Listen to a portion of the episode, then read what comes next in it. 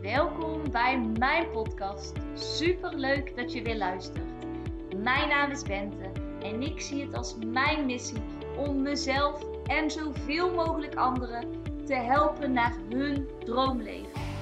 In deze podcast heb ik het over hoe je een succesmindset ontwikkelt, wat de wet van aantrekking is, hoe je deze voor je laat werken en hoe jij stappen kunt zetten richting jouw droomleven. Laat jij mij jou inspireren en ga jij mee op reis van persoonlijke ontwikkeling? Let's go Dio! Hallo, daar ben ik weer. En vandaag ga ik het hebben over de wet van aantrekking en mijn ervaring daarmee en welke nieuwe inzichten, nieuwe inzichten ik weer kreeg. Maar ook zeg maar soms heb je toch dat je dingen hoort en dat je denkt, dit heb ik al ooit eerder gehoord of dit heb ik al ooit eerder gelezen of dit matcht of dit voelt gewoon heel kloppend als waarheid voor mij. En dat zijn eigenlijk dingen waar ik je vandaag ook graag in mee wil nemen. Want kijk, doordat ik geen social media heb, heb ik extra tijd. Echt veel extra tijd, bizar. En uh, daardoor ga ik dus ook weer meer lezen. En ik heb eerst een boek uh, gelezen over hoe om te gaan met narcisten. Toen uh, hoe om te gaan met idioten op de werkvloer. Uh, nu ben ik het boek aan het lezen. Ik moest doodgaan om mezelf te genezen. Het gaat over een vrouw die eigenlijk meerdere jaren echt kanker had. Op het punt van doodgaan eigenlijk was. Ook eigenlijk klinisch dood is verklaard. En zij heeft een BDE gehad. Een BDE is een bijna doodervaring. En deze mensen, deze mensen, ik heb daar al meerdere verhalen over gehoord. Het is echt heel interessant.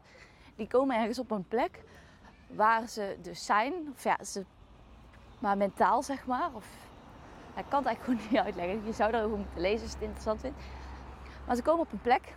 En eigenlijk is het niet zozeer een plek, maar is het meer een soort besef, een soort bewustzijn van er is geen tijd, er is geen ruimte. Omdat op dat moment ligt die vrouw in coma.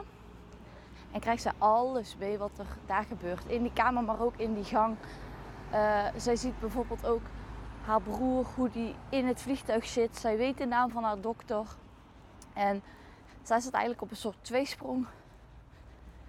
Alsof ze een keuze heeft van ga ik terug naar het leven in het extreem zieke lichaam of ga ik hier waar het ultra vredig voelde?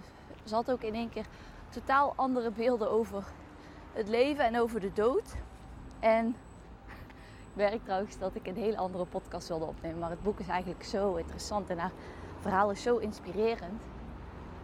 Zij zegt eigenlijk van, weet je wat het is? We hebben allemaal overtuigingen. En hoe langer je een overtuiging hebt, hoe meer het onze waarheid worden. Onze waarheid wordt of onze waarheden worden. En eigenlijk is onze waarheid dus niks meer dan overtuigingen die we heel lang hebben volgehouden. Dus uh, zij heeft nog een ander boek geschreven, die heb ik ook besteld van wat als dit de hemel op aarde is. Zij legt eigenlijk, zij stelt heel veel vragen terug. Zij zegt ook absoluut niet van ik wil je overtuigen dat het zo is. Maar zij beschrijft eigenlijk gewoon heel erg haar ja, eigen denkwijze. Die gewoon volledig is veranderd op het moment dat zij terug is gekomen. En zij was dus jaren doodziek. Nou, lang verhaal kort. Uiteindelijk heeft zij de keuze gemaakt om toch terug te komen in, hier in het lichaam en terug te komen.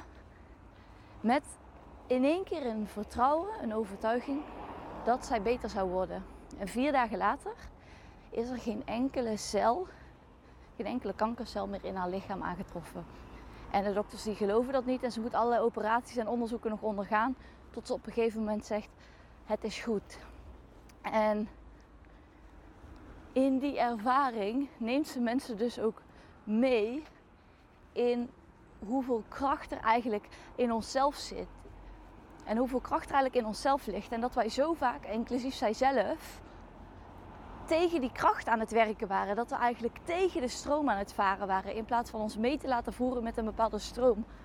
Want het leven is de bedoeling dat we ervan genieten. En het is de bedoeling dat het makkelijk is voor ons. Het is de bedoeling dat we doen waar we blij van worden. We zouden allemaal honderd keer meer moeten doen waar we blij van worden. Want uiteindelijk kunnen we niet geven, kun je niet geven wat je zelf ook niet hebt. En de mensen met zoveel pijn, die zullen anderen ook alleen maar meer pijn hebben. En op het moment dat we ons zouden focussen op meer dingen doen waar wij blij van worden. En we zouden ons meer focussen op liefde geven aan onszelf. Dan krijgen we geen egoïstischere wereld. Maar dan krijgen we een wereld die juist veel mooier is. En ik heb nog honderd takeaways, maar mijn wandeling is voorbij. Dus dit was even het inzicht voor nu. Ik hoop dat je het super leuk vond.